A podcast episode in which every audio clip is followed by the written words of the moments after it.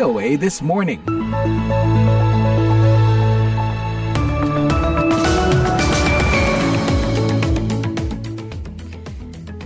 Halo pendengar, selamat pagi dari Ibu Kota Amerika di Washington DC. Senang sekali saya Puspita Sariwati dapat menjumpai Anda lagi pagi ini. Memasuki bulan Agustus ya, tapi kami di sini masih tanggal 1 Agustus. Tentunya Anda sudah menyiapkan ya berbagai kegiatan untuk memperingati Hari Jadi Republik Indonesia. Ikut lomba apa pendengar? Makan kerupuk atau lari karung. Ingat nih saya waktu semasa saya tinggal di Indonesia senang sekali. Baiklah pendengar, bersama produser Bani Rahayu, kami telah menyiapkan sejumlah laporan dan info menarik untuk Anda. Di antaranya, perekonomian domestik Indonesia dinilai tetap kuat menopang stabilitas sistem keuangan nasional. Perkembangan ini seiring dengan kondisi perekonomian dan sistem keuangan domestik yang resilient serta didukung oleh koordinasi KSSK Angkatan Udara Prancis dan Jepang selesaikan latihan tempur udara empat hari di Jepang. It's pretty clear that uh, President Macron wants to avert any sorts of escalation or dynamic that could lead to escalation uh, with China. Selain itu, berbagai info menarik akan kami sajikan, di antaranya menurunnya jumlah radio AM di Amerika dan kini bermigrasi ke saluran FM. Siaran ini juga dapat Anda ikuti secara live streaming di www.voaindonesia.com atau simak dalam podcast VOA This Morning episode hari ini di podcast langganan Anda. Kini kami sampaikan berita dunia.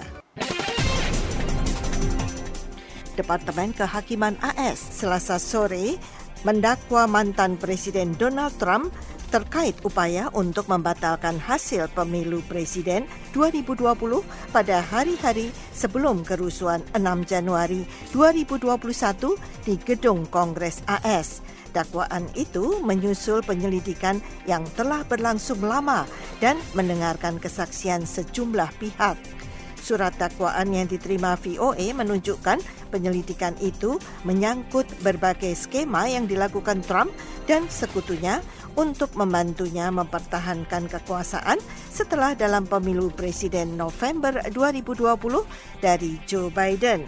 Sama seperti dakwaan sebelumnya terhadap Trump, ia diperkirakan akan hadir di pengadilan dalam beberapa hari mendatang dan menghadapi persidangan dalam beberapa bulan mendatang. Kini kita ke Pakistan. Dua pria bersenjata tak dikenal membunuh dua polisi di Pakistan Barat Daya dalam serangan terhadap para petugas vaksinasi polio hari Selasa. Penembakan mematikan itu terjadi selama kampanye imunisasi nasional di Quetta, ibu kota Provinsi Baluchistan. Petugas kepolisian daerah Asif Maswar mengatakan petugas kesehatan memvaksinasi anak-anak dengan vaksin polio di daerah Nawakili ketika dua pria yang mengendarai sepeda motor melepaskan tembakan dan melarikan diri. Kampanye selama seminggu itu bertujuan mengimunisasi hampir 8 juta anak balita di 61 distrik. Di daerah pedesaan Pakistan yang konservatif, kelompok Islam garis keras sejak lama menentang dan memandang vaksinasi polio sebagai cara untuk membuat anak-anak muslim mandul. Militan anti pemerintah menganggap para petugas vaksinasi polio sebagai mata-mata pemerintah. Seiring berlangsungnya pekan menyusui sedunia hari Selasa, para pegiat hak-hak anak menyerukan dukungan untuk air susu ibu atau ASI sebagai cara terbaik untuk membuat bayi memulai hidup yang sehat dan menyelamatkan nyawa mereka. Organisasi Kesehatan Dunia WHO dan UNICEF mengatakan pemberian ASI bisa menyelamatkan lebih dari 820 ribu nyawa anak balita setiap tahun. Wakil UNICEF atau Dana Anak Sedunia PBB untuk Meksiko, Presia Arifin mengatakan, es importante que esos niños reciban la lactancia materna exclusiva porque eh, la leche materna Penting bagi anak-anak memperoleh ASI, tidak hanya untuk kesehatan karena ASI mengandung zat yang melindungi anak dari penyakit, namun juga penting untuk menjamin kesehatan anak termasuk mencegah obesitas. Katanya, Badan-badan kesehatan, PBB itu mengatakan mereka membuat terobosan dalam menyebarkan pesan tentang manfaat menyusui dan mencatat bahwa prevalensi tingkat pemberian ASI meningkat 10% menjadi 48% di seluruh dunia dalam dasawarsa terakhir.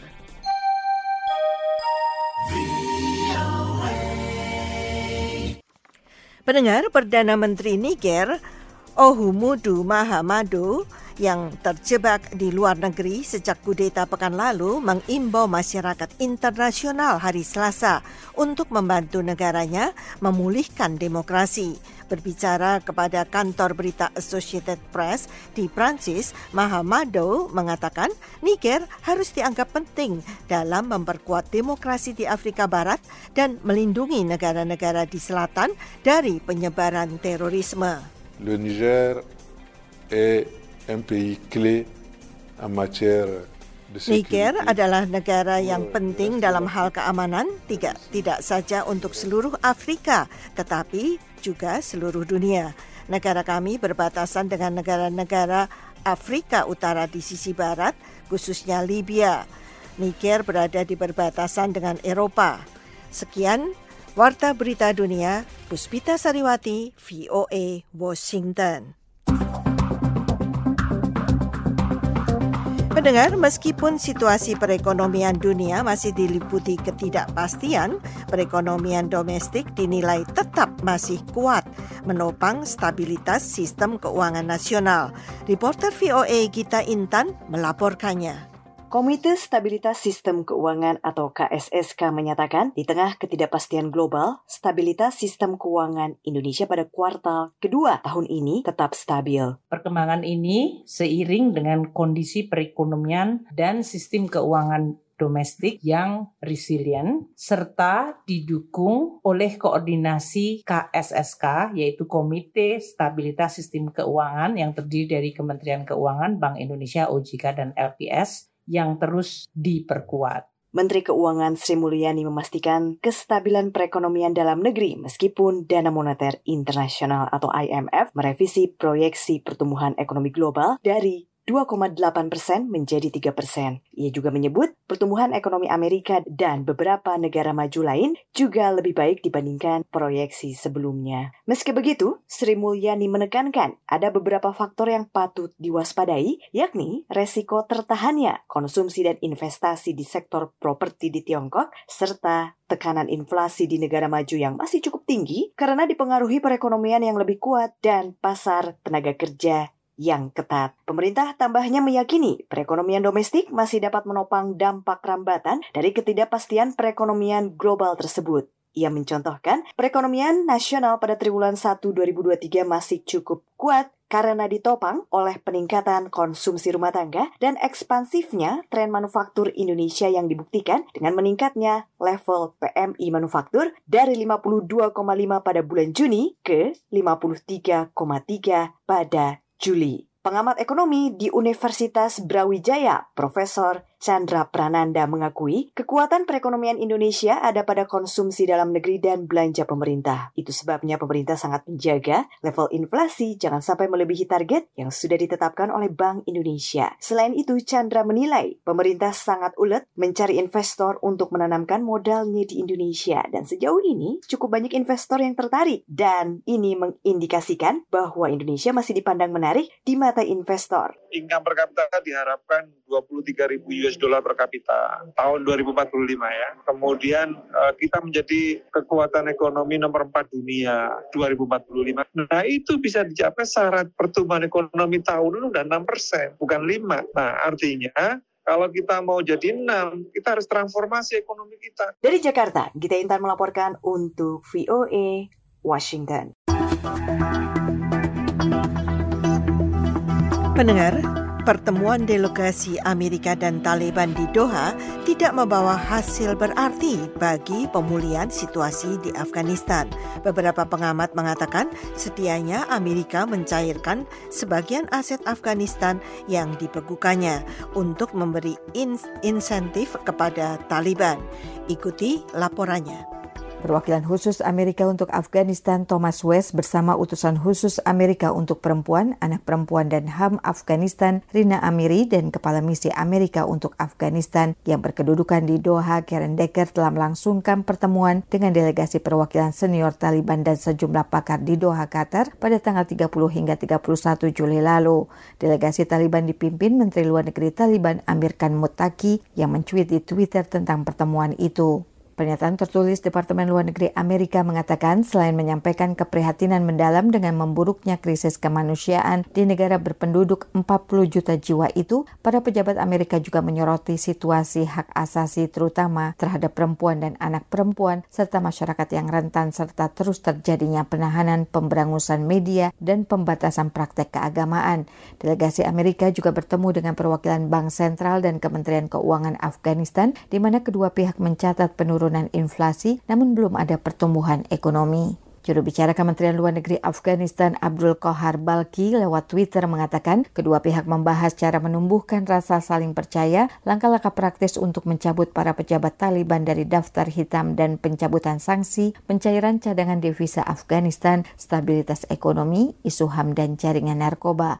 Diwawancarai melalui telepon pengamat hubungan internasional di Universitas Diponegoro, Muhammad Roshidin menilai kecil kemungkinan Amerika mencairkan aset itu sebelum Taliban memenuhi janji yang disampaikannya saat mengambil alih kekuasaan pertengahan Agustus 2021 lalu. Tuntutan mereka juga menurut saya agak sulit dipenuhi Amerika yaitu soal pencairan aset itu terutama ya mereka sangat menginginkan itu. Nah di sisi lain Amerika memiliki cara pandang sulit diterima oleh Taliban yaitu terkait dengan penghormatan tentang HAM, demokrasi, nilai-nilai kemanusiaan. Roshidin juga menilai kebijakan pembekuan aset Bank Sentral Afghanistan yang berjumlah sekitar 7 miliar dolar oleh Amerika itu sebagai pelanggaran HAM karena berdampak bagi kehidupan masyarakat Afghanistan dan bukan menyasar kelompok Taliban saja. Hal senada disampaikan pengamat hubungan internasional di Universitas Indonesia Yon Mahmudi yang menilai kebijakan itu tidak sesuai dengan kepentingan dunia internasional. Taliban ketika berusaha untuk meyakinkan dan itu adalah ya dana milik pemerintah dan rakyat Afghanistan sih seharusnya sih dibuka. Dari Jakarta, Fatia Wardah melaporkan untuk VOA Washington. Pendengar, Angkatan Udara Prancis dan Jepang menyelesaikan latihan tempur udara selama empat hari di Jepang Sabtu lalu. Latihan pertama di antara kedua sekutu itu. Namun ketika Paris berusaha membangun aliansi militernya di kawasan Indo-Pasifik, pemerintahnya memblokir proposal untuk membuka kantor penghubung NATO di Tokyo. Berikut laporannya. Pendengar, bagi mereka yang mengamati pesawat dan bagi Jepang sendiri, ini adalah sesuatu yang sangat baru. Sejumlah pesawat jet tempur Prancis terbang bersama pesawat tempur Jepang. Latihan udara bersama itu merupakan bagian dari latihan Prancis yang lebih besar dengan nama sandi Pegase 2023 yang berlangsung di berbagai penjuru Indo-Pasifik, termasuk pulau-pulau yang menjadi teritori Prancis di luar Eropa. Berbicara dalam konferensi pers tanggal 28 Juli lalu, Kepala Staf Angkatan Udara dan Antariksa Prancis, Stephen Mill, mengatakan, Wajar jika Prancis, salah satu negara di Indo-Pasifik, sangat prihatin dengan ketegangan geopolitik yang dirasakan di kawasan itu sebagai akibat dari persaingan di antara negara-negara besar. Ketegangan itu juga dirasakan NATO yang menyebut Tiongkok sebagai tantangan bagi kepentingan aliansi. Analis keamanan dari Universitas Keio di Jepang, Michito Suroka mengatakan, NATO's interest is very much affected by what takes place in the Indo-Pacific region. Kepentingan NATO sangat terpengaruh oleh apa yang terjadi di kawasan Indo-Pasifik. Jadi, itu berarti NATO harus lebih terlibat untuk kepentingannya sendiri. Dalam KTT terakhir Juli lalu, NATO memperdebatkan usul untuk membuka kantor penghubung di Tokyo. Namun Presiden Prancis Emmanuel Macron yang juga anggota NATO memblokir langkah itu, terlepas dari aliansi dekatnya dengan Jepang. Mantan Kepala Perencanaan Kebijakan NATO yang kini menjadi CEO Rasmussen Global, Fabrice Poiter mengatakan, It's pretty clear that uh, President Macron uh, Sangat jelas Presiden Macron ingin menghindari segala jenis eskalasi atau dinamika yang dapat menyebabkan eskalasi dengan Tiongkok. Tiongkok memperingatkan membuka kantor NATO di Tokyo akan mengacaukan wilayah itu. Namun analis keamanan Michito Suruoka menyangkal hal itu dan mengatakan tidak akan ada bahaya seperti yang digambarkan Tiongkok. Because uh, what what we are talking about, what NATO is talking about, is just a one person office. Karena apa yang kita bicarakan, apa yang dibicarakan NATO hanyalah sebuah kantor.